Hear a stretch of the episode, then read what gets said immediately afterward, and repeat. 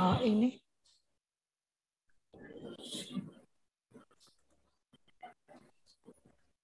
Ini ke mana para bapak nih? Oke, mari kita mulai ya. Selamat pagi, sahabat suluh keluarga.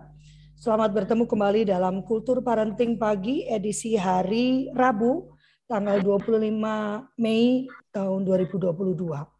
Sebenarnya memang Rabu ini saya kami dedikasikan untuk uh, apa pembelajaran tentang kesehatan mental dan juga untuk, untuk anak berkebutuhan khusus. Dan hari ini seperti biasa saya ini memang nembak sahabat saya ini setiap bulan paling enggak mengisi satu kali gitu ya karena saya senang sekali dengan dengan apa dengan uh, konsep beliau ya. Sayangnya saya kalah cepat itu uh, mau ngajak kerjasama secara reguler udah dia udah diajak kerja sama orang lain ya tapi nggak apa-apa lah ya. Kita sudah bisa menikmati kehadiran beliau satu bulan sekali ya uh, untuk uh, approach-nya tentang kesehatan mental anak. Karena saya percaya kalau kita bicara kesehatan mental anak, nggak akan mungkin kita bisa melakukan itu tanpa kita memperhatikan kesehatan mental orang tuanya ya Kak Philip ya. Nah, Kak yep. Philip ini teman saya kuliah lama baru ketemu lagi di Facebook. Coba luar biasa ya. Dan nyambung. Eh enggak di Facebook ya, sebenarnya saya pernah jadi murid dia sekali ya. Iya. Zaman dulu 2000 banget. berapa? 2012. 2000 iya, aku pulang dari Jerman kalau nggak salah. Apa 2012 saya belajar tentang apa tuh Kak? Living values, living values living education. yang saya terapkan pada anak-anak saya setelah itu. Silakan kan Kak Philip akan bicara sesuatu yang menarik. Itu aku dapat aku sebarkan tuh yang ngejawab beberapa Kak Philip. Karena Hmm. judulnya itu oh ini ya, ah Tayanti baru muncul. Judulnya itu kan hidupku bukan hidup anakku. Ya. Langsung Hmm. emang ada salahnya apa kak? Gitu kan. "Ya, salah kak gitu. Saya bilang ini pertanyaan atau pernyataan nih? Retoris kak. Oh ya udah. Kak Fatimah Udah ya, aku silakan kak itu. jadi penasaran juga aku. Silakan kak. Hai Udah aku duga pasti banyak yang ke-trigger itu. iya. Ju- judulnya tuh ini clickbait banget. Tayanti apa kabar? Baik, baik, alhamdulillah. Tayanti ada TI Pai Ah, teh- teh. Sip. silakan kak Hmm. Oke, kita mulai aja. Oke, memang ya, judulnya rada clickbait banget ya ini. Iya, cuman memang eh, ini sudah menjadi satu persoalan besar juga ya, terutama di kalangan guru-guru, terutama apalagi guru-guru olahraga yang harus menghadapi orang-orang tua kayak gini nih.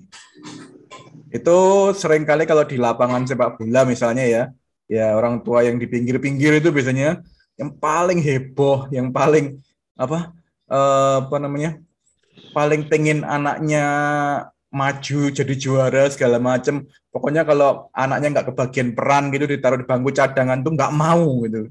Itu yang biasanya yang paling bikin heboh itu.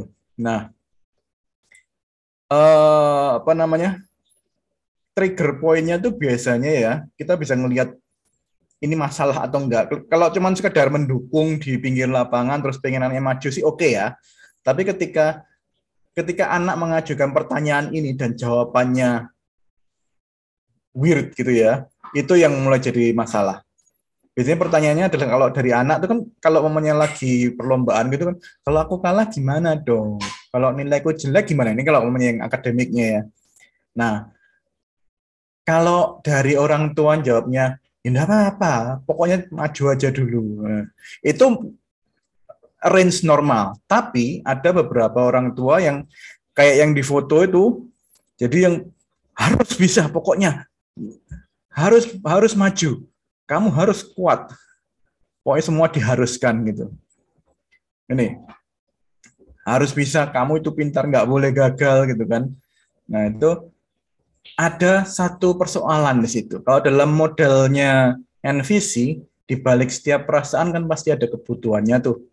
Nah, perasaan dari orang tua kayak gini kan biasanya dominannya itu adalah marah, terus apa menek, menek, berusaha menekan anak itu ya supaya pokoknya maju. Nah, di balik itu apa sebetulnya? Ada kebutuhan apa? Ternyata kalau dipetakan, sebetulnya itu masalahnya adalah orang tuanya belum selesai dengan dirinya sendiri. Yang pertama adalah eh, di balik pemaksaan ini adalah yang biasanya biasanya paling sering terjadi adalah aku tuh sudah gagal. Kamu gantikan aku untuk berhasil. Kata-kata di baliknya itu loh. Terus atau mungkin malah kamu lanjutkan mimpiku yang gagal ku capai, nggak peduli dengan mimpimu dan hidupmu. Nah itu dua itu yang paling sering. Nggak bakal dikatakan langsung biasanya. Tapi pokoknya kamu tuh kan harapan keluarga harus bisa. Nah itu yang biasanya muncul seperti itu.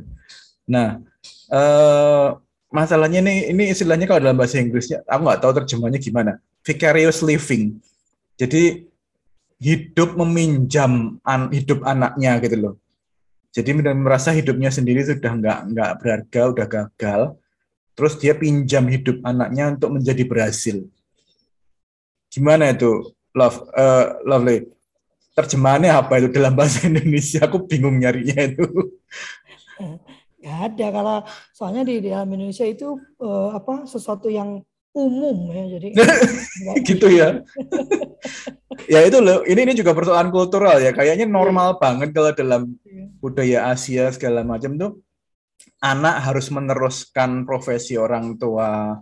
Hmm. anak harus me, apa sih biasanya kata-kata kunci yang paling muncul tuh adalah membahagiakan orang tua segala macam tuh loh.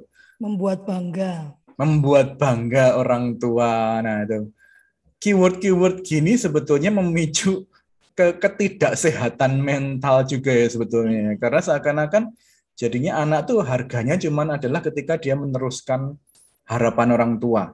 Dia sebagai individu nggak ada nilainya gitu loh. Itu kalau yang sudah sempat nonton filmnya Michelle Yeoh yang baru tuh apa uh, Everything Everywhere at Once tuh itu persoalan antara dari bapaknya ke anaknya sampai ke cucunya di mana saling mengharapkan dan saling mengharapkan untuk diteruskan kebanggaannya itu sampai me merusak seluruh multiverse gitu. nah, itu di mana harapan-harapan itu jadi ruwet, di mana harapan itu jadi menghalangi orang lain untuk memilih hidupnya sendiri itu yang uh, kadang nggak kalaupun kalau dalam dalam kondisi normal kita ya ini nggak sampai ke multiverse segala macam tapi dalam kondisi satu dunia ini aja tingkat kerusakannya tinggi gitu dan. Yang melahirkan apa tokoh tetangga nyinyir segala macam itu kan set efek dari ini juga. Ketika apa semua harapan-harapan terus impian-impian dari seseorang diproyeksikan ke orang lain. Misalnya yang ada orang yang pernikahannya sendiri nggak terlalu beres, tapi terus maksa-maksa orang lain untuk nikah. Hmm. Pokoknya kapan nikah itu ya yang standar ya kalau lebaran itu biasanya. kapan nikah, kapan segala macam punya anak, kapan, kapan beli rumah. Kapan beli rumah. Untung nggak ada yang tanya kapan mati gitu kan. Waduh. nah itu uh, makanya ketika sistem apa ya sistem harapan, sistem rantai harapan atau apa ini, ini perlu diputus untuk bisa bisa mencapai kesehatan mentalnya ini masalahnya. Harus disadari bahwa setiap orang punya hidupnya sendiri gitu loh. Mimpinya mereka juga beda dan paling simpelnya tuh anakmu tuh bukan peran penggantimu gitu loh. Bukan semacam apa? Kalau kamu sudah gagal terus apa namanya anakmu dipakai untuk menggantikan kamu nggak bisa begitu gitu. Dan itu yang mesti disadari. Vicarious living loh istilahnya itu. Tapi uh, ya tadi antara vicarious living dengan berbakti pada orang tua atau konsepnya tipis-tipis gitu. Jadi saya mengalami kesulitan juga untuk menerjemahkan itu jadinya. Nggak, nggak, nggak terlalu bisa masuk dalam bahasa Indonesia sebetulnya. Tapi ya tadi minjem hidup istilahnya saya. Minjem hidup untuk menggantikan hidup yang sudah dianggap gagal gitu. Nah itu yang paling berat. Misalnya uh, orang tuanya gagal jadi dokter, terus anaknya harus masuk ke kedokteran apa pun yang terjadi. Nah, itu. Atau orang tuanya sudah dokter dan anaknya harus jadi dokter juga. Nah, itu yang kerap kali menimbulkan crash dalam keluarga kan kayak gitu-gitu tuh. Tekanan-tekanan yang tidak disadari. Yang paling gampang sebetulnya malah model lainnya lagi yaitu orang tua yang uh, waktu kecilnya nggak pernah dibelikan mainan, terus ketika jadi orang tua membanjiri anaknya dengan mainan, itu balas dendam model lain lagi ya, sama-sama vicarious living lagi, hidup hidup minjem anaknya gitu, minjem hidup anaknya dengan membalas dendam hal, -hal yang dulunya dia nggak dapat, terus sekarang dia usahakan dapat untuk anaknya, which yang belum tentu itu kebutuhan anaknya gitu loh. Nah, itu. Oke, kita ngobrol aja lanjutannya. Kak Lovely gimana? Ini sebetulnya ada banyak nggak sih? Kalau saya ngelihatnya ada banyak, tapi nggak tahu kalau kalau lihatnya gimana. Loh, saya sendiri kan dulu kalau ya bapak ibu saya ya paling senang perkataan yang dia gunakan tuh karena mama itu mau kamu tuh lebih baik dari mama. Itu saja nah, keyword keyword itu keywordnya itu selalu karena mama mau kamu tuh lebih baik dari mama gitu ya. Uh, tapi kalau dari tekanan kursus segala macam itu dari nenekku ya jadi dalam sehari itu aku bisa setiap hari itu les ya. Nggak jelas les apa. Sampai sore karena dia mau uh, uh, yang terbaik buat buat saya sebetulnya ya memang hmm. niatnya baik ya pasti semua orang tua tuh punya niat yang baik ya. Dia ingin hmm. anak-anaknya itu uh, mendapatkan segala yang mungkin dulu tidak bisa dia dapatkan gitu kan. Hmm. Ini kalau kata Kak Vivi itu papanya anak-anak tuh dan ini membuat konflik antara saya dan terutama anak saya katanya. Ada yang mau hmm. Eh, ini mau melanjutkan atau mau langsung ke pertanyaan? Oh ya, uh, mungkin langsung aja diskusi. Uh. Langsung diskusi ya. Silakan. Ya. Ya. Ya. Uh, mungkin ini kali uh, pola asuh ya di sini yang uh, jadi permasalahan ya.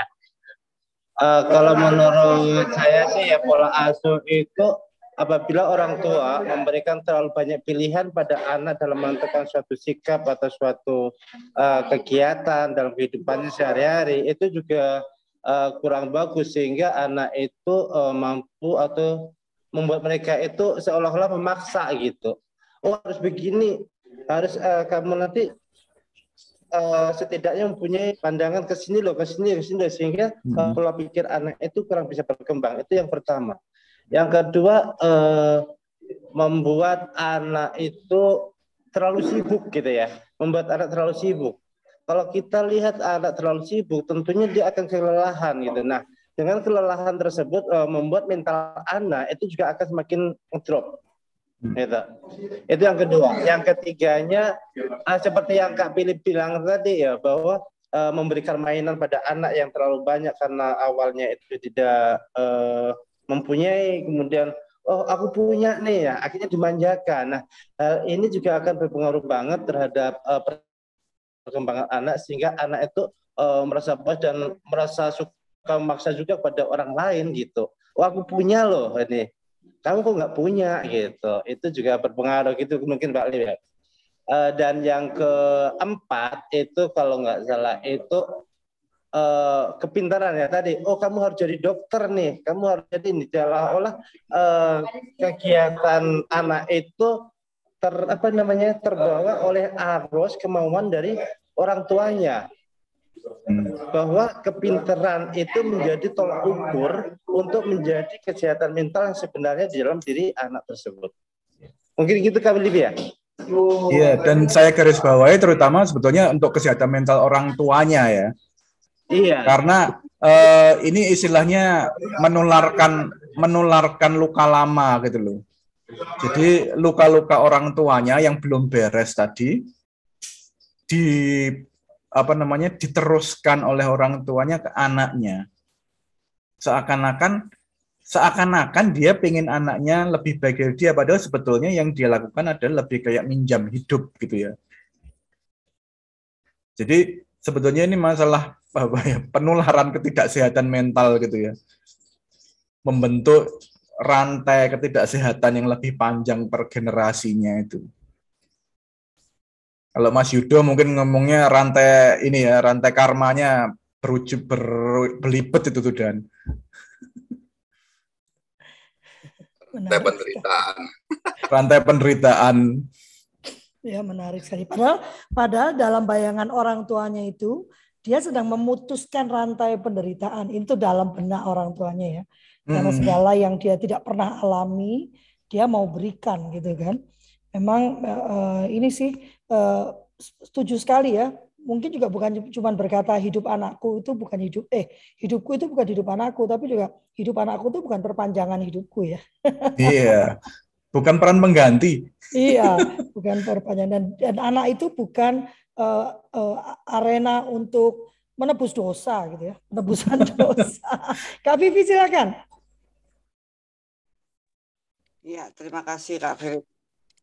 Kak Ferry memang pada saat saya pertama kali tahu Kak Philip akan bicara pasti ini menarik. Itu yang saya tahu. Karena memang eh, selalu korelasi. Seperti yang saya, di awal saya katakan bahwa ini benar terjadi pada anak saya yang kecil di Bungsung.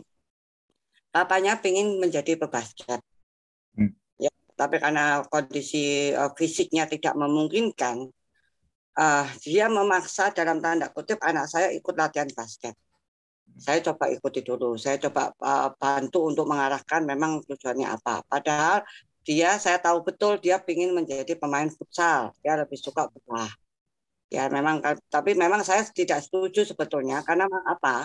Uh, pemain bola di sini di Indonesia masih belum bisa sepenuhnya mendukung seperti itu, apalagi kami dari golongan minoritas kalau untuk memasuk dalam uh, kelompok bola itu memang keresnya sangat kuat. Jadi uh, konfliknya akan ada. Kita sudah paparkan terlebih dahulu. Dimasukkan dia dalam klub basket, bertahan tiga bulan. Dari itu saya tahu betul konfliknya berat di anak saya. Di mana ya dia potensi, saya tahu dia berpotensi secara uh, physically dia memang masuk, secara hmm. teknik dia menguasai. Saya tahu dia mampu, tapi dia tidak passionnya di situ gitu loh.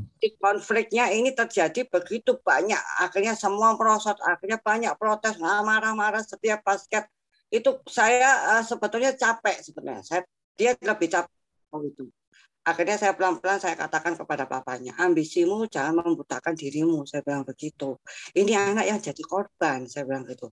Lihat itu dia begitu tidak menikmati, paksakan dia jadi jadi, tapi dia bukan menjadi dirinya saya bilang begitu. Jadi saya, itu susah memang Kak Philip sama Kak Rafli untuk membuat papanya sadar bahwa bukan masanya membuat ya itu tadi duplikat. Nah, kalau saya nggak bisa jadi pemain basket, anak saya harus pemain basket gitu loh. Hmm. Tapi saya jangan dipaksa karena apa? Karena nantinya dia hanya untuk menuruti orang tua, kemudian dia lari kepada hal-hal lain di mana mungkin bisa jadi memakai uh, alasan mau latihan basket tapi nggak ketemu basket kan bisa kak Philip. Itu kan uh, nantinya yeah. saya kan begitu ya. Tapi puji Tuhan sekarang dia sudah bisa mengerti dan mulai untuk bisa memberikan alternatif pada anak saya. Itu aja sih saya ingin sharing aja. Terima kasih. Terima kasih Kak Vivi. Iya, itu yang tadi itu seperti dibilang Lovely tadi, kalau nggak ajang penebusan dosa ya ajang balas dendam itu ya itu yang repotnya ya tadi ketika luka dari orang tuanya belum diselesaikan terus ya. menjadi orang tua yang masih membawa beban kelihatan ada anak. Wow ini tak bentuk kayak gini aja gitu. Mumpung masih bisa. Ternyata enggak apalagi ketika anaknya sudah mulai remaja dan mulai punya hidupnya sendiri. Wah itu udah pasti letusannya keras itu. Banget itu. Banget ya frontal memang. Jadi saya bilang daripada parah sudah kamu ngalah lah paling enggak atau ada sisi baik yang bisa dia tampilkan saya bilang Eh jadi ini ya kepikir ya Kak Philip ya. Seringkali orang tua kan ngeluh. Iya Kak udah diikutin tuh nah, paling cuma tiga enam bulan eh udah dia nggak nggak mau lagi gitu ya. Tapi jangan-jangan kita tuh jadi lebih excited daripada dia. Akhirnya menjadi tekanan gitu kan. Dia Mm-mm. dia pengen belajar musik gitu kan. Nah, kita sudah kayak ini nih tipe-tipe ini loh, apa tipe-tipe eh, perempuan yang kalau disapa, "Hai, selamat pagi" gitu, tahu udah, udah udah merencanakan undangan pernikahan, mau pakai apa itu kan. Jadi anak baru menyatakan minat untuk main musik misalnya udah bayangannya wah nanti kayak Dewa Bujana ini nanti bisa kayak dia udah merancangkan ke depannya ya. Wah, ini bisa itu yang membuat jadi beban akhirnya eh, itu tidak lagi menjadi sesuatu yang menyenangkan, menjadi sesuatu yang yang apa menjadi satu kewajiban di mana-mana kewajiban itu nggak menyenangkan ya. Apa ada lagi yang mau menyampaikan pendapat nih? Menarik. Iya, Kak Ah. Lovely. Mau Lanjutan tanya nih boleh? ya, lanjutan nih. Tunggu dulu Pak- Kak Aryo dulu habis itu Kak Rusmin ya. Ya, oh Ya gitu. Rupanya Oke. bapak-bapak yang Kayak banyak kesentil nih. Eh, oh ya, gini kebanyakan kan gini ya. Anak yang kurang sedikit mungkin salah atau nilainya itu 6 gitu kan udah dikritik dan sebagainya. Itu sebenarnya juga kurang bagus karena apa?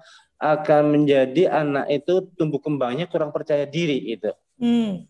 Ya kan? Itu. Kemudian eh, apa keleluasan anak untuk bermain di HP ya sebelum usia yang sekiranya cukup misalnya kalau anak-anak itu paling enggak janganlah di bawah dua tahun itu udah dipegangin HP lah gitu. Itu sangat berpengaruh pada eh, perkembangan dan tumbuh kembang mental anak gitu. Kemudian selanjutnya eh, orang tua yang terlalu melindungi anaknya itu juga akan berpengaruh eh, kurang apa namanya itu tidak tidak percaya dirinya juga kuat gitu. Jadi dikit-dikit takut, dikit-dikit takut sehingga uh, akan melangkah menentukan sikap pada uh, kehidupannya juga kurang kurang pas sehingga mental anak juga akan menjadi uh, masalah gitu. Tuh, yang terakhir nih kalau nggak salah uh, bagaimana orang tua itu tidak terlalu menutupi uh, pendidikan yang sensitif. Nah, mungkin itu uh, mungkin bisa dikembangkan Pak uh, Kak Philip bisa diuraikan silakan Pak Kak Philip. Enggak sih. Eh, kalau bagi saya itu tadi semuanya itu model orang tua yang masih membawa beban ya tadi ya. Baik ketika terlalu melindungi karena mungkin dulu dia waktu kecilnya tidak terlindungi ataupun ketika eh, apa namanya terlalu menekan untuk kejar target entah, entah nilai kejar target nilai target prestasi atau apa pun karena dulunya dia juga dianggap gagal gitu loh nah itu yang sering kali eh, tidak disadari orang tua. Makanya satu kemampuan dari orang tua yang sebetulnya harus wajib dilatihkan itu adalah kemampuan untuk refleksi diri untuk memeriksa diri sendiri. Ini saya melakukan ini niatnya udah bener atau belum? Jadi kayak pemeriksaan batin untuk orang tua sebetulnya. Ketika dia melakukan ini, apakah saya saya memberikan pilihan pada anak memang betul-betul untuk kepentingan anak atau untuk kepentingan saya sebetulnya? Hmm. Pertanyaan paling mendasar untuk orang tua tuh itu, hmm. saya ini sebetulnya sedang mengarahkan kebaikan anak atau sedang mengob, berusaha mengobati luka-luka luka-luka lama saya lewat anak saya gitu. Nah, yang hmm tapi masalahnya ya tadi kadang-kadang proses menikahnya aja saat sebat bet gitu ya. Jadi ndak ndak ada refleksinya sama sekali gitu loh. Berhitung rasional aja enggak apalagi refleksi yang lebih waktu butuh waktu lagi. Nah itu yang eh, kadang saya, saya juga bingung. Saya pernah mendampingi satu apa eh, panti asuhan yang kebanyakan pengurusnya pengasuh pengasuhnya juga anak-anak uh, dari panti asuhan itu sendiri. Nah, anak-anak panti asuhan ini sendiri pada menikah muda 19 gitu terus mereka menikah terus jadi pengasuh di situ. Terus ketika saya masuk di situ jadi konsultan di mereka ketemu bahwa mereka sendiri belum selesai dengan luka-lukanya karena ditinggal orang tuanya dulu terus dia mereka harus mengurus anak-anak yang baru ini kadang-kadang jadinya ya mereka bawa luka lamanya ini ke anak-anak asuhannya jadinya bukan bukannya mem mem membantu anak-anak itu menyelesaikan persoalannya karena dia sendiri belum selesai Gitu. Oke, Mas Rusmin tadi. Uh, ya, Kak Rusmin katanya mau, mau menyampaikan sesuatu. Uh, sebenarnya tadi ada sedikit terjawab ya. Maksudnya uh, yang saya mau tanyakan itu uh, bagaimana membedakan bahwa karena kan uh, bahwa itu tuh ambisi pribadi atau memang untuk kebaikan si anak. Karena kan kadang-kadang bahwa uh, dari sisi mungkin sebagai sebagai orang tua ya kita melihat kita mengenal anak kita dengan sangat baik hmm. dan kita kita juga mengarahkan bukan oh dulu saya cita-citanya mau jadi astronot sekarang saya kan cuma arahin dia untuk untuk jangan pilih yang jadi misalnya jadi fashion design saya maunya dia diarahkan ke kulin kuliner aja gitu. Nah itu kan mungkin secara secara orang tua saya merasa ah enggak gua enggak maksain kok gitu. Enggak hmm. memaksakan uh, atau mem, apa balas dendam atas mimpi yang yang nggak kecapai. Tapi ah ini bener kok dia harus kuliner. Pokoknya fashion design itu nggak ada nggak ada masa depannya deh gitu. Kan mungkin aja begitu atau mungkin tadi yang ibu itu bilang bahwa oh olahraga mah nggak ada masa depannya nggak di Indonesia nggak dihargain udah geser aja ke sini gitu ke ke yang lain misalnya nah maksudnya bagaimana membe apa apakah memang betul seperti uh, bahwa kita memaksakan impian kita atau kita itu seolah kayak kita mendrive mereka untuk kebaikan mereka gitu.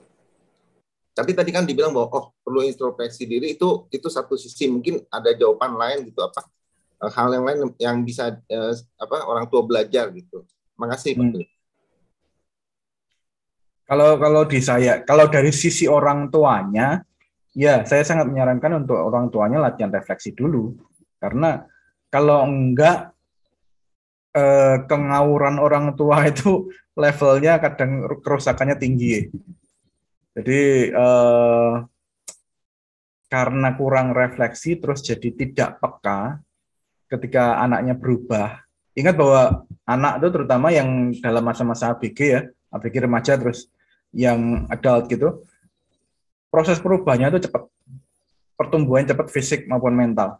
Nah, kadang kita yang nggak keep up nggak nggak ngejar gitu sudah nggak ngejar banget atau oh loh kok anak ini sudah jadi ke mana-mana begini gitu itu kalau Lovely itu yang anaknya sudah apa sudah berproses itu merasakan itu bagaimana susahnya ngejar perubahan anak itu eh, nggak usah dikejar kan lah, makanya mengamatinya pun susah gitu loh iya, iya. Saya bukan mengamatinya susah ya, tapi melepaskan ego sebagai orang tua nah. dan percaya bahwa proses dia itu akan menuju kebaikan itu yang susah karena deg-degannya itu kan. Mm -mm. Ya persis sih katakan Kak Rusmin tadi itu. Mm -mm. Enggak apa namanya terlalu kita katakan sebagai orang tua terlalu percaya diri bahwa world view kita itu adalah world view yang terbaik padahal yes. belum tentu jadi udah ketinggalan zaman gitu loh. Yes, betul. Betul Mungkin satu pertanyaan tambahan, hmm. uh, apakah kalau begitu kita harus mengikuti semua impiannya dia dengan dengan statement itu gitu? Hmm, enggak kalau, juga ya. Iya. Enggak juga, jadi lebih ke ininya aja. Dibantu prosesnya, difasilitasi. Hmm. Artinya kan ada gitu ya, iya. Ya. Kayak analisa SWOT gitulah analisa SWOT-nya dari pilihannya dia gitu. Tapi kan kadang ya ini satu lagi catatan lagi.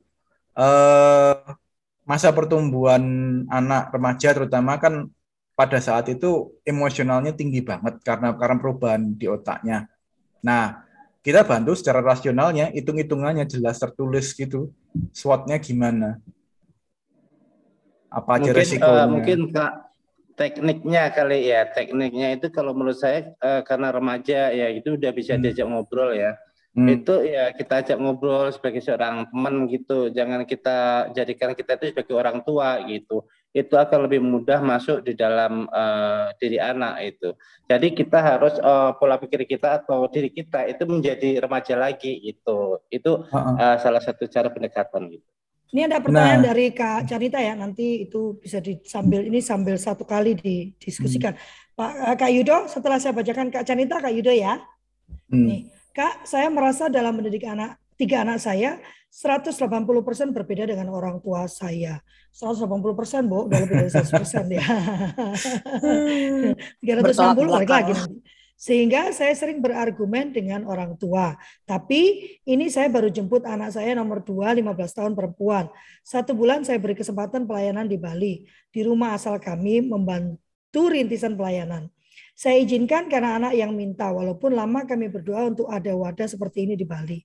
Tapi begitu lewat satu bulan yang terjadi, anak tetap merasa dikekang dan hal-hal lain yang sama dengan apa yang saya rasakan.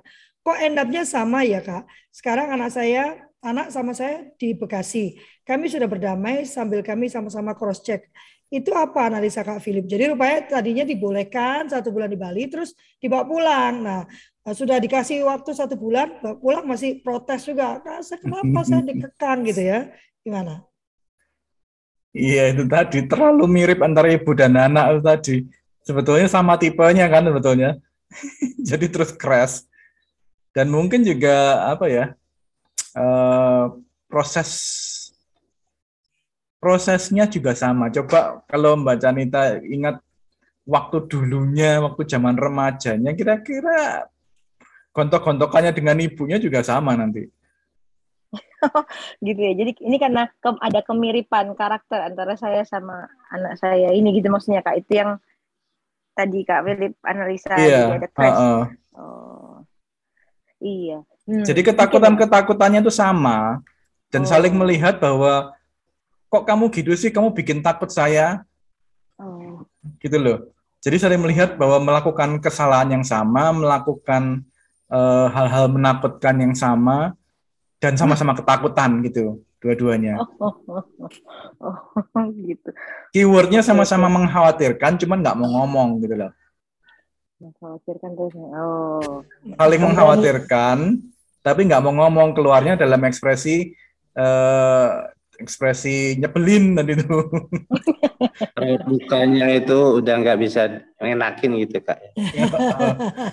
Kita ke Kak Yuda ya. Ya, ya cerita. Aku punya aku punya apa pengalaman terkait itu nanti aku cerita ya. Kak, Siap, Kak Yuda kak. silakan. Terima kasih Kak Lovely, Kak Philips. Adik mau cerita aja nih. Adik. Adik. Dinda, Dinda, Dinda. Agak panjang dikit nggak apa-apa ya. Ya, silakan ya. Ini tentang hidup saya sendiri. Saya waktu kecil itu anak bag, anak harapan orang tua, anak apa ya, anak idaman orang tua lah. Bayangin kelas 4 eh, SD lah, pokoknya kelas 3, 4, 5, 6 SD, bangun sebelum ibu saya bangun. Ya, saya bangun, rebus air, masukin termos, nah, nasi, nyapu ngepel eh, baru bangun orang tua kan. Eh, olahraga sekolah segala macam. Nanti pulang sekolah juga eh, nyapu ngepel nimba air. Air dulu kan nimba begini itu waktu. Untuk diketahui saya lahir 70 jadi yang APG ya, angkatan bapak gua gitu. Ya semua dilakukan dan saya anak yang baik. Nggak pernah minta uang jajan. Minta uang jajan kalau olahraga aja kalau dikasih uang itu untuk apa gitu. Kalau barang sepatu tas kalau belum sobek belum minta gitu. Dan mintanya nggak ngarahin sekasinya orang tua. Dari sembilan bersaudara ya saya doang yang gitu. Di sekolah juga berprestasi ya berprestasi. Artinya SD juara SMP juara SMA lumayan. Sekolah masuk sekolah ikatan dinas ya. Nah setelah keluarga saya punya anak kan. Dengan segala macam kebaikan dan prestasi saya tadi hmm, saya nggak nuntut apa pun ke anak gitu. Saya sering cerita kehidupan saya ya apalagi anak yang kedua dari kecil saya ceritain lengkap kehidupan saya dari anak-anak sampai sekarang gitu ya.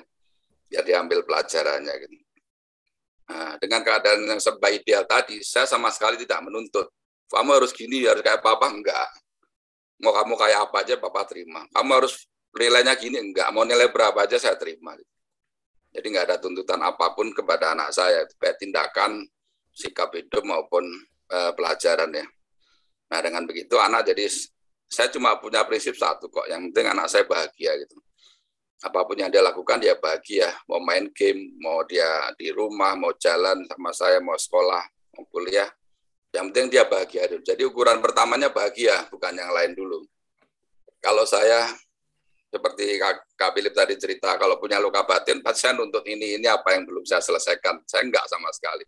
Saya berprestasi kayak seperti itu pun saya nggak nuntut anak seperti itu. Kamu kayak apa-apa. Kamu udah penilai berapapun ya bapak terima gitu nggak ada masalah. Pokoknya intinya yang penting kamu bahagia.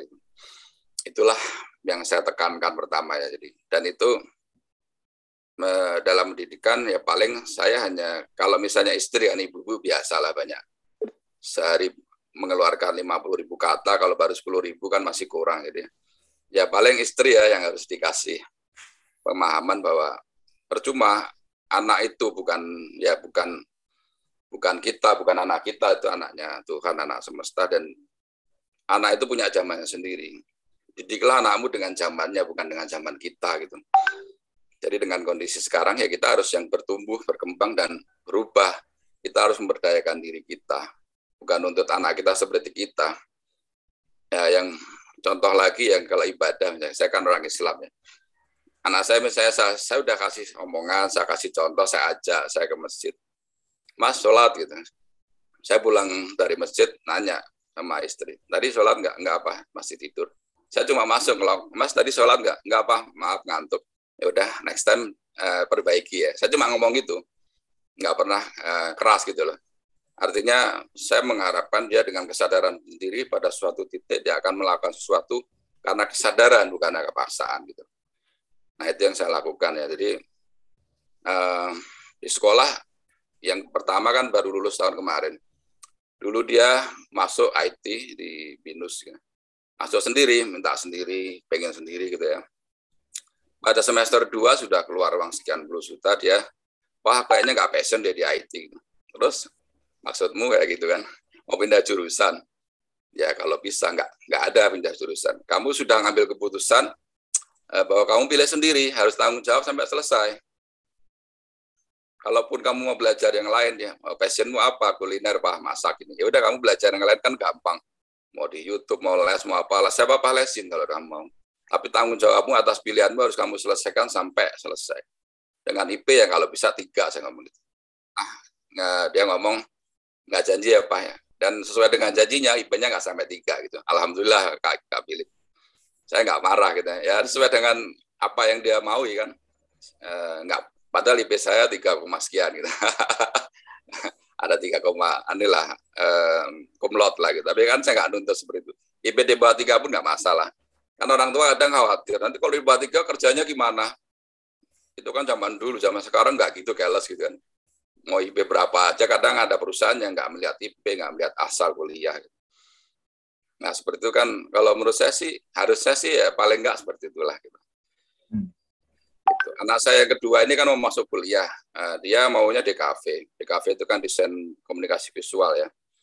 Uh, di UI nggak ada ada di banyak universitas negeri nggak ada. Adanya ITB itu jurusan IPS ya. Dan dia dapat undangan untuk yang pakai rapot ya SNPTN sama BKP. Karena di UI nggak ada, kerjanya saya turunkan. Ada jurusan di apa itu uh, arsitektur uh, desain uh, arsitektur ini arsitektur in, in the interior gitu adanya itu nah kemarin dua undangan itu ya kebetulan eh, nggak keterima semua. Nah sebelumnya saya sudah carikan dia sekolah swasta yang ada jurusan di kafe. Kebetulan dia atas kemampuannya tes itu mendapat diskon 50 persen. Nah sekolahnya itu pakai bahasa Inggris. Katanya kamu uh, oke okay deh dengan itu bahasa Inggris, kuliah bahasa Inggris. Oke okay, nggak ada masalah. Pikiran saya kan saya kan kalau Inggris, I mean, my English is not good enough gitu. Tapi anak saya ternyata oke okay, pak baik-baik aja, nggak ada masalah. Ya udah, berarti kan dia mampu ya udah akhirnya saya putuskan ya udah nggak usah pusing dari sekolah yang lain yang negeri apa pun itu di mana pun mau kamu putuskan sekolah di situ ya kebetulan masih Jakarta oke okay.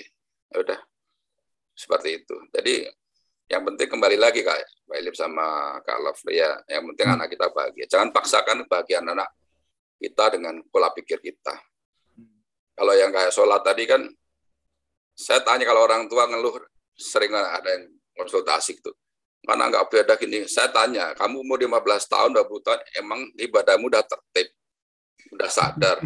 Jangan-jangan 40 baru sadar. Kamu kayak orang amnesia gitu, pelupa gitu. Untuk anak 15 tahun seperti pola pikirmu 40 50. Ya namanya jolim gitu. Memaksakan kehendak kan. Berarti sebenarnya itukah ya, memaksakan kehendak. Saya bilang kalau anakmu melakukan sesuatu yang kamu pikir negatif menurutmu ya introspeksi deh kamu waktu umur segitu waktu muda kayak apa sih jangan-jangan kamu itu lebih menyebalkan uh, dari anakmu kepadamu gitu. Menyebalkan lebih menyakitkan orang tamu daripada tindakan. Jangan egois ya gitu. Introspeksi seperti Kak Philip tadi kan introspeksi uh, diri kita. Apa sih yang kita lakukan dulu? Sehingga kalau bahasa karmanya ya bayar utang ya Kak Philip ya. Iya. harus diterima. Bayar utang kalau utangnya nggak dibayar malah buat utang yang baru ya kapan selesainya gitu. bolak balik bolak balik kayak istri kaat nanti itu ya. Nah, ada lagi kalau mendidik anak saya biasakan begini. Jangan kita dokter lagi makan lagi apa di rumah atau, atau kita ngomong enggak. Aja dia happy dulu jalan ke mana jalan-jalan nginep di hotel yang bagus. Waktu dia happy kita ngobrol-ngobrol menurut kamu gimana hidup ini? Nah di situlah kita masukin nilai-nilai gitu. yang penting itu nilai-nilai kok jangan jangan terlalu dipaksakan. Dia punya alam sendiri punya pola pikir sendiri punya rasa sendiri punya cita-cita sendiri punya uh, generasi sendiri gitu ya, jangan maksakan.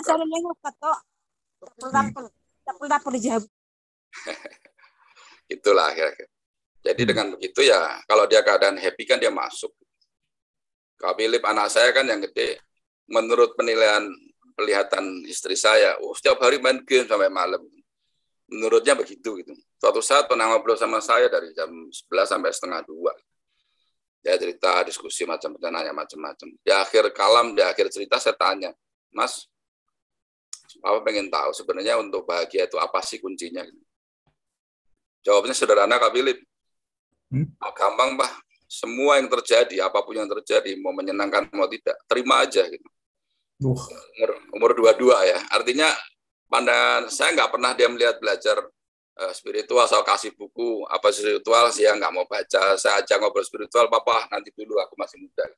Kelihatannya begitu dan main game hampir tiap hari. Tapi pada suatu titik setelah ditanya apa sih kunci bahagia, ternyata itu sesuatu yang mungkin umur 40, 50, 60 pun belum paham bahwa kunci bahagia adalah menerima apa pun yang terjadi tanpa hmm. syarat. Sudah terima aja. Kira-kira dua tahun sudah paham itu udah hebat itu. Nah, iya, maka padahal kelihatannya main game terus Kak Philip, tapi kenyataannya hmm. nilai di dalam diri dia itu udah bagus. Hmm. Udah sangat bagus. Makanya saya nggak pernah terlalu khawatir dengan anak saya. Ada satu kunci, kalaupun apa pun yang dilakukan anak, seburuk apa pun menurut penilaian orang tua kan itu penilaian orang tua kan belum tentu seperti itu. Uh, saya um, gini, terutama ke ibu-ibu ya, saya selalu ngomong kalau apa pun yang kamu lakukan, yang anakmu lakukan, ibu-ibu ini punya ikatan DNA, ikatan perasaan yang sangat kuat. Gak usah khawatir dengan apa yang lakukan anakmu sekarang. Dia ini sekarang lagi bertumbuh pada ruang dan waktunya sekarang, pada koordinatnya sekarang. Nggak usah terlalu khawatir. Pegang, kamu punya ikatan hati yang kuat dan ya, DNA yang kuat. Kamu pengen apa sih terhadap anakmu? Nggak usah pakai omongan, nggak usah pakai emosi. Hmm, ambil dalam sikap yang tenang, damai, hmm. meditasi atau doa atau apa pun lah. Buat koneksi dengan anakmu. Dan apa yang kamu inginkan terhadap anakmu itu apa sih?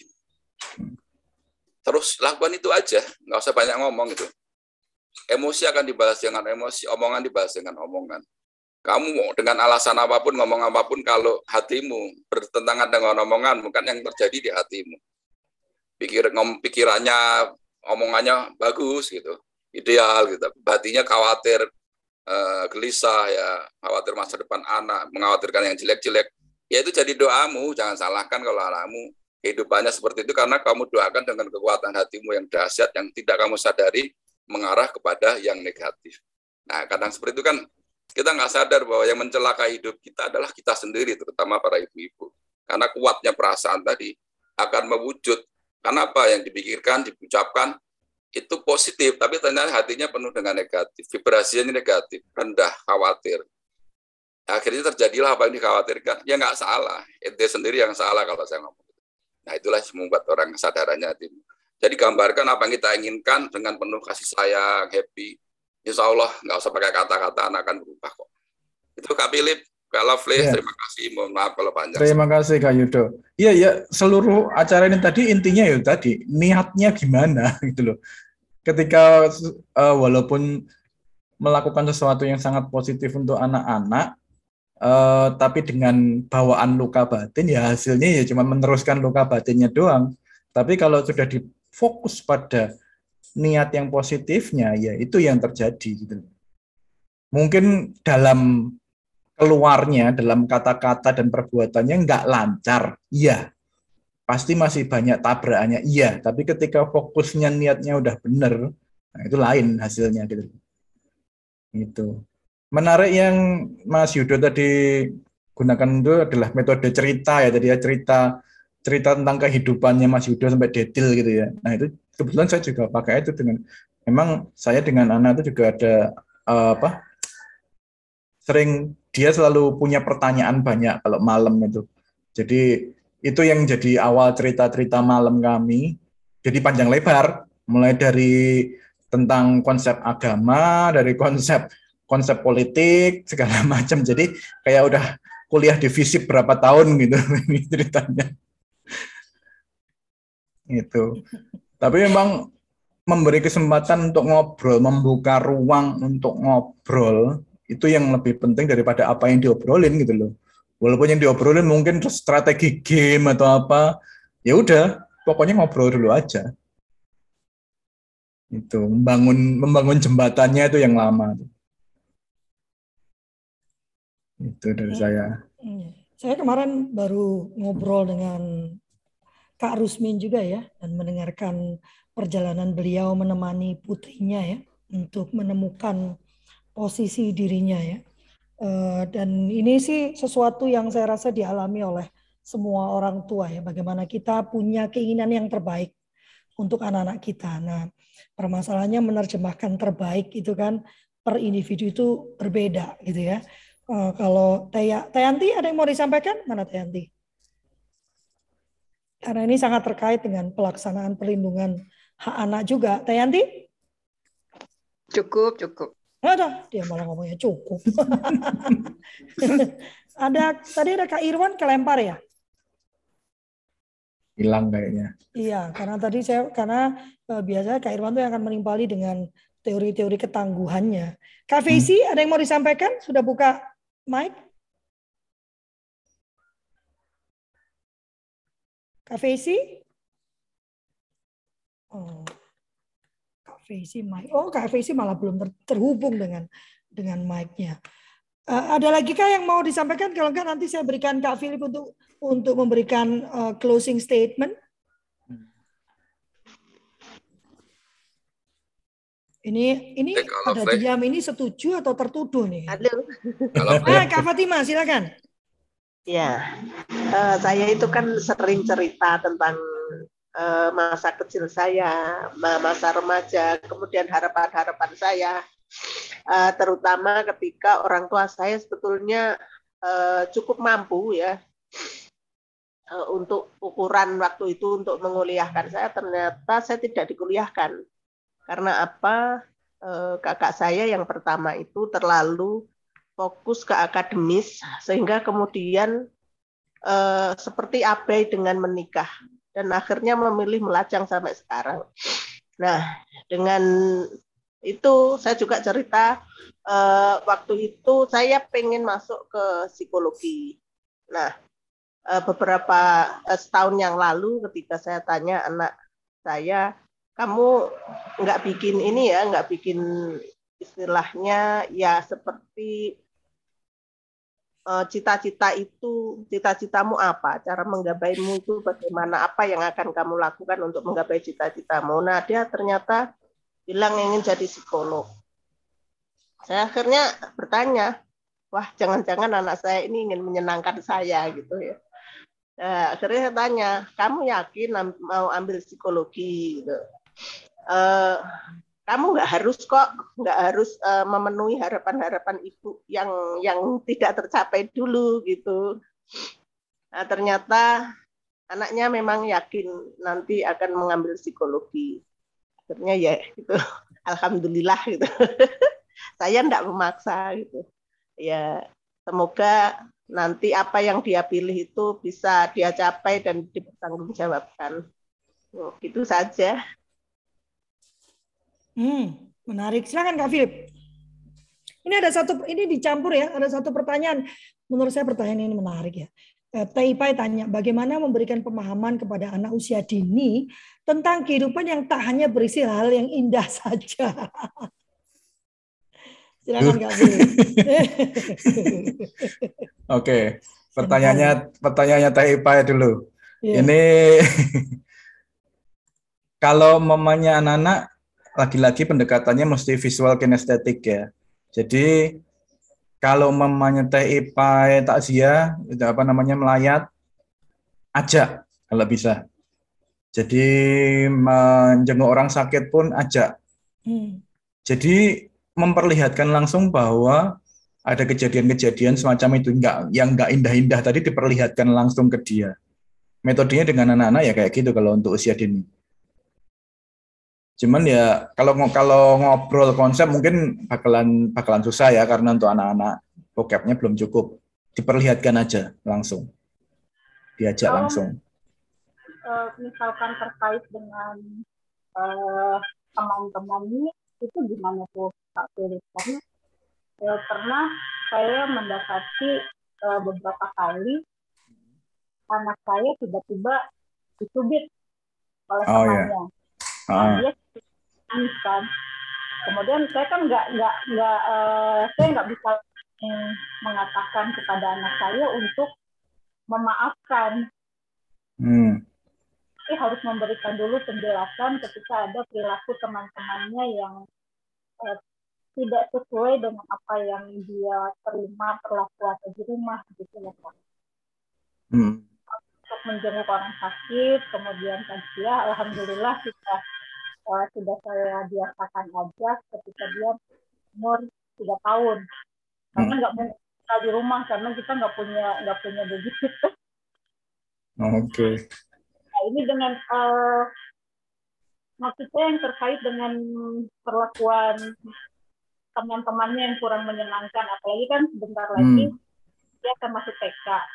Jujur hmm. ada kekhawatiran dalam diri saya ketika dia nanti berinteraksi dengan teman-temannya yang uh, mungkin perilaku orang tuanya tidak sama dengan pada uh, dengan dengan perilaku saya ketika memperlakukan dia di rumah. Gitu loh kak. Terima kasih kak Philip.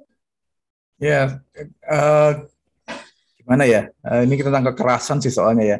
Jadi lebih ke kembalikan ke nilainya lagi kamu kalau di kamu kalau dicubit gimana rasanya?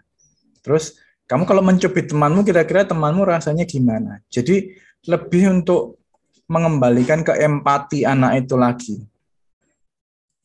Kalau kamu dicubit mau nggak?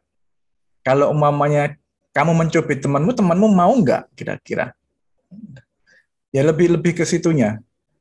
Jadi menumbuhkan empatinya dulu sebelum kita ngajarin tentang benar salahnya.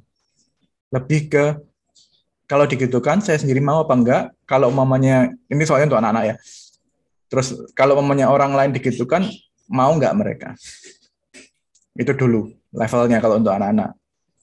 Di luar itu nanti digarap lebih lanjut. Tapi untuk anak-anak yang pertama adalah empatinya dulu. Itu. Eh tadi pertanyaannya yang satunya apa? Jadi hilang deh. Fatima. Kak Fatima, tadi apa? Iya.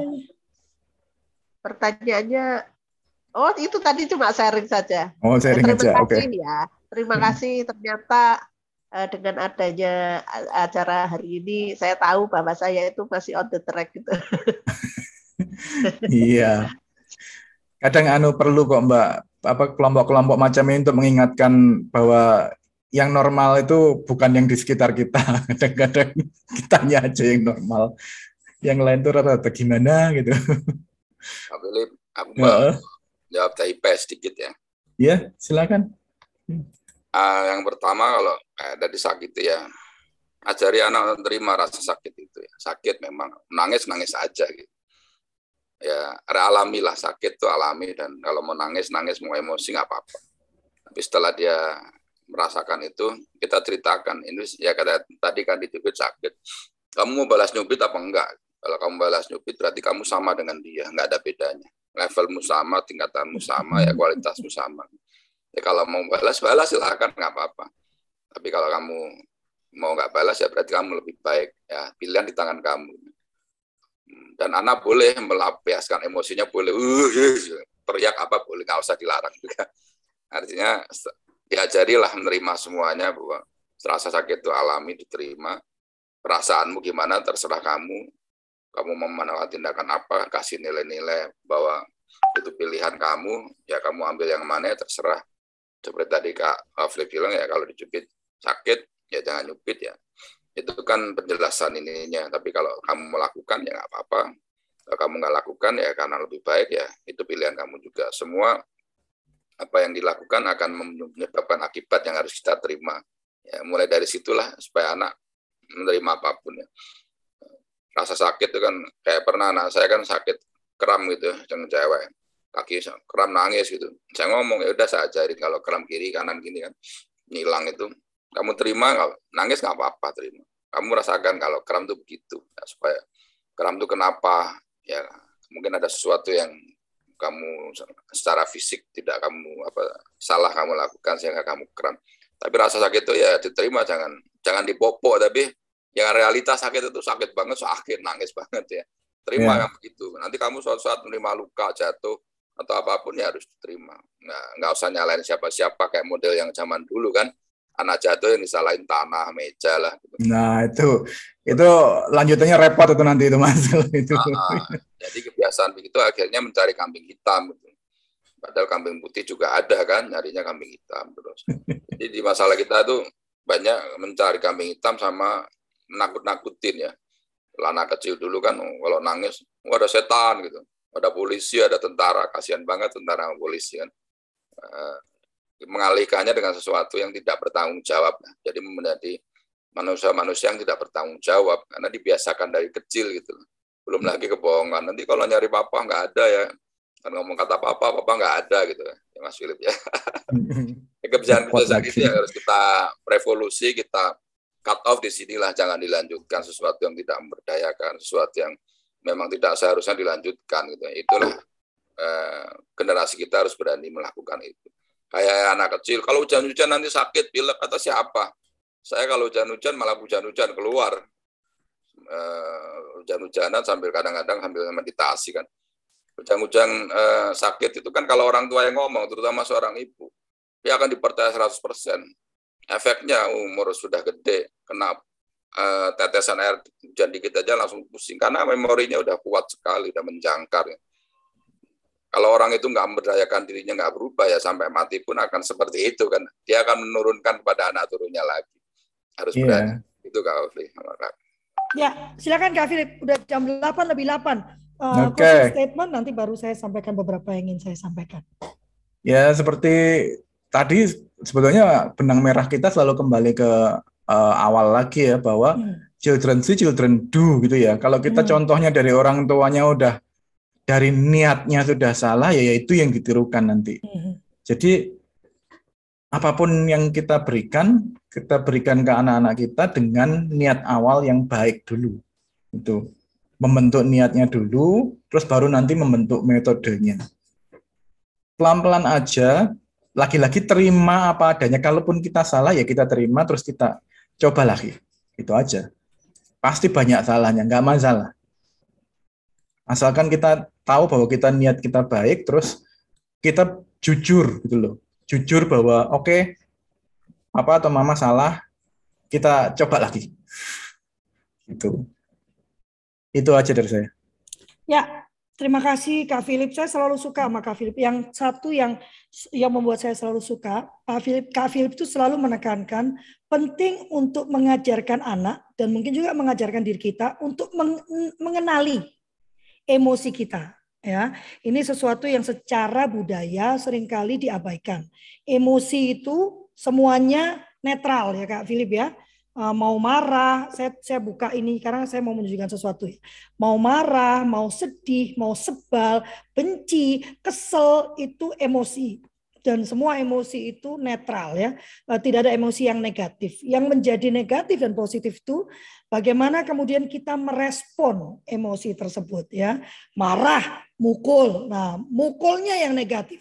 Marahnya sih ya uh, sebuah emosi yang perlu dikenali Kak. Kak, Kak Philip bahkan mengajarkan mengenal mengenali apa sinyal-sinyal tubuh ya Kak Philip ya untuk memahami emosi untuk kemudian mencari uh, apa asal dari emosi kita.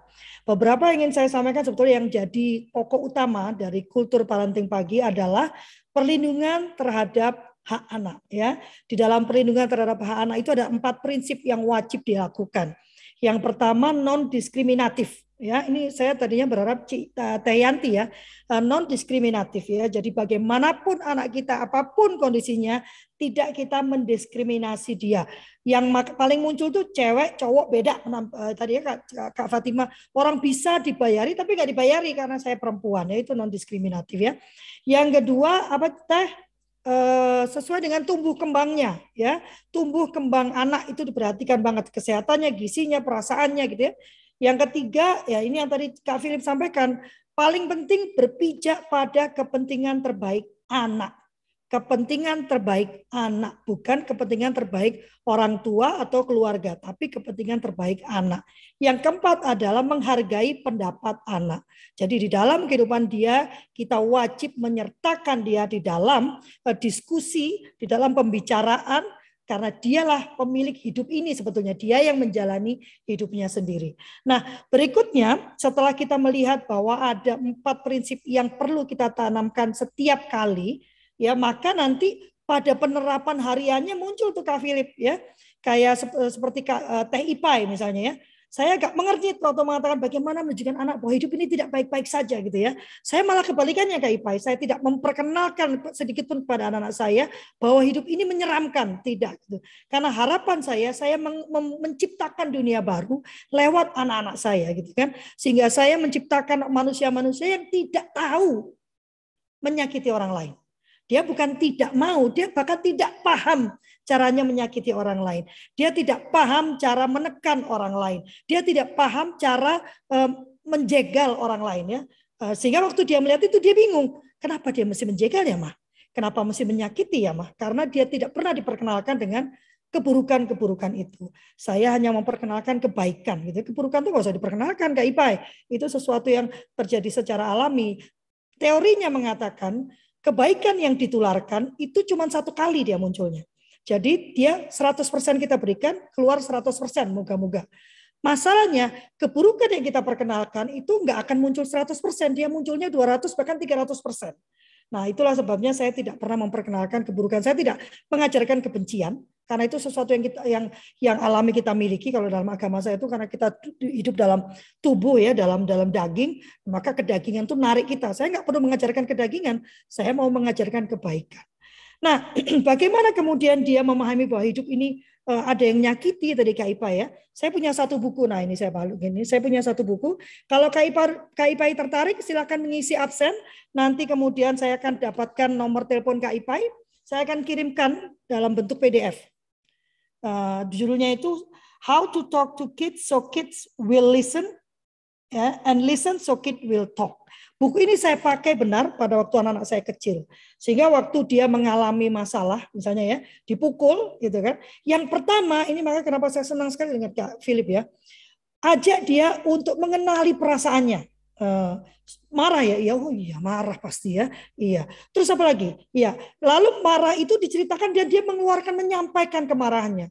Bapak Ibu, sahabat-sahabat semua seluruh keluarga ya, di titik akhir tidak ada orang yang kemudian memutuskan saya mau bunuh saja dia gitu ya. Setelah eh, ditemani tadi Kak Philip memfasilitasi dia memahami perasaannya, yang muncul adalah memaafkan. Ya mungkin dia lagi capek mah. Terus mau dipukul besok, eh ya jangan atau makasihan. Wong aku dipukul sakit masa aku mukul. Itu yang kita harapkan ya. Jadi kita menemani anak merunutkan pemikirannya sehingga nanti waktu kita tidak ada dia menggunakan runutan yang sama. Kembali hidup kita ini bukan hidupnya anak-anak. 20 tahun ke depan kita nggak tahu bagaimana kondisi dunia ini. Saya berharap anak saya menjadi pembawa perubahan. Saya berharap anak saya menjadi pembawa kasih. Gitu. Bukan melestarikan kebencian, ya, melestarikan keruwetan yang kita alami. Jadi saya mau potong kebencian dan keruwetan itu di saya saja dan dunia anak saya adalah dunia yang sangat berbeda. Aneh ya, ya, tapi saya sudah melihat uh, hasilnya dari anak saya yang dua anak saya yang sudah mulai besar ya, 25 tahun dan 21 tahun. Kalau dulu saya ngomong ini semua orang bilang saya ini hidup di dunia yang utopis. Kalau kalau Frima cuma mimpi doang gitu ya. Nah, tapi mimpi saya menjadi kenyataan. Anak saya bukan jadi orang orang kaya raya, tapi dua anak saya ini menjadi orang-orang yang damai, gitu ya, yang damai, yang bahagia dengan dirinya. Sudah lebih dari 15 menit, sahabat. Hari Jumat, Kak Deli, kita ketemu dengan siapa? Kak Deli. Sebentar ya. Kak Deli ini anak saya yang kedua ya. ya dia memutuskan untuk membantu ibunya melakukan giat-giatnya ya. Saya karena apa karena apa pandemi ini uh, saya memutuskan untuk melakukan semua giat saya sendiri ya. Saya ada ditemani Teh Yanti, ditemani Cik Maria. Gimana Kak Deli? Ya, kita akan berfoto dulu. Kak Deli masih mencari-cari filenya rupanya ya. Waduh, Kak Deli ini bagaimana? Terima kasih Kak Philip ya. Saya menantikan lagi topik-topikmu yang selalu menarik ya. Eh, kita memang paling eh, perlu untuk mengingatkan orang tua pentingnya mengenemu kenali emosi kita sendiri perasaan kita sendiri sehingga nanti kita bisa seperti yang dituliskan Kak Philip tuh empathic living Ya, kita tidak bisa berempati saat kita pun tidak dibolehkan untuk berempati dengan diri kita sendiri. Nah, mungkin bisa berempati dengan orang lain saat kita di deny perasaan kita. Dipukul, ya sudah. Sakit kan? Telan. Ya, nah itu kata-kata zaman dulu ya. Nggak enak kan? Telan. Ya, tidak ditelan. Di dinikmati, bukan dinikmati juga ya, di going through it ya merasakan dan dia bisa berempati. Oh ternyata dipukul tuh rasanya seperti ini ya. Dan saya mengundang para perempuan untuk bergabung dengan operet hari Jumat jam 12 sampai jam 1 siang. Para lelakinya sholat Jumat kita ngumpul. Ada sesi coaching yang kedua. Jadi coaching ini dilakukan dua kali seminggu. Eh, dua kali sebulan, sorry. Dua kali sebulan. Dan apabila teman-teman ingin di coaching personal oleh saya, ah hari Jumat tuh ketemu dengan Abah Ferus Bukan Kak Aba Verus, Dek. Namanya Aba Verus. namanya Kak Verus ya. Topiknya minat dan bakat anak. Aba Verus ini salah satu fasilitator utama untuk mind map. Uh, uh, apa? Bukan mind map, apa teh? Talent mapping. Talent mapping, ya. Talent mapping ya. Mari kita dengarkan dari hampir sumbernya. Kak Rusmin, Anda harus datang. Anda kan juga pengamat minat bakat anak ya. Jadi kita bisa melihat uh, dari sisi uh, konsep mereka. Kita berfoto ya. Eh, keluarkan hatinya. Hari ini ada 24 orang tadi loh, luar biasa loh. Wow. Kak Ipai silakan kontak ya, nanti saya kasih uh, bukunya ya. Ya, kita perlu banyak membaca ya supaya banyak mendapatkan ilmu. Satu dua Karyo itu kenapa jadi kabel? Ayo mau difoto nih. Nah, wah sarapan dia. Satu dua tiga silakan kak. kak Udah. Sudah? Sudah. Ya, Kak Deli ini, Kak Philip, lewat menemani ibunya, sudah mulai banyak berani berbicara dengan orang lain karena dia kayak bapaknya dia sangat pendiam ya. Jadi sekarang diberi tambahan uh, tugasnya yaitu menghubungi para narasumber dan memastikan mereka bisa datang. Nanti habis itu ditambah lagi tugasnya ya supaya makin canggih dia. Semua yang dilakukan ibunya dia bisa lakukan berlipat ganda nanti ya. Amin.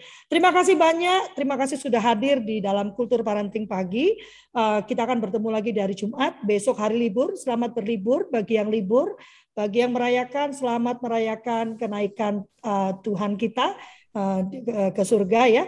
Uh, saya sibuk besok seharian. Uh, dan kami mohon maaf yang sebesar-besarnya apabila ada pernyataan, perkataan, sikap atau gestur yang kurang berkenan. Kami tidak ingin menghakimi, tidak ingin merendahkan, tidak ingin memojokkan, bahkan tidak berusaha untuk menggurui.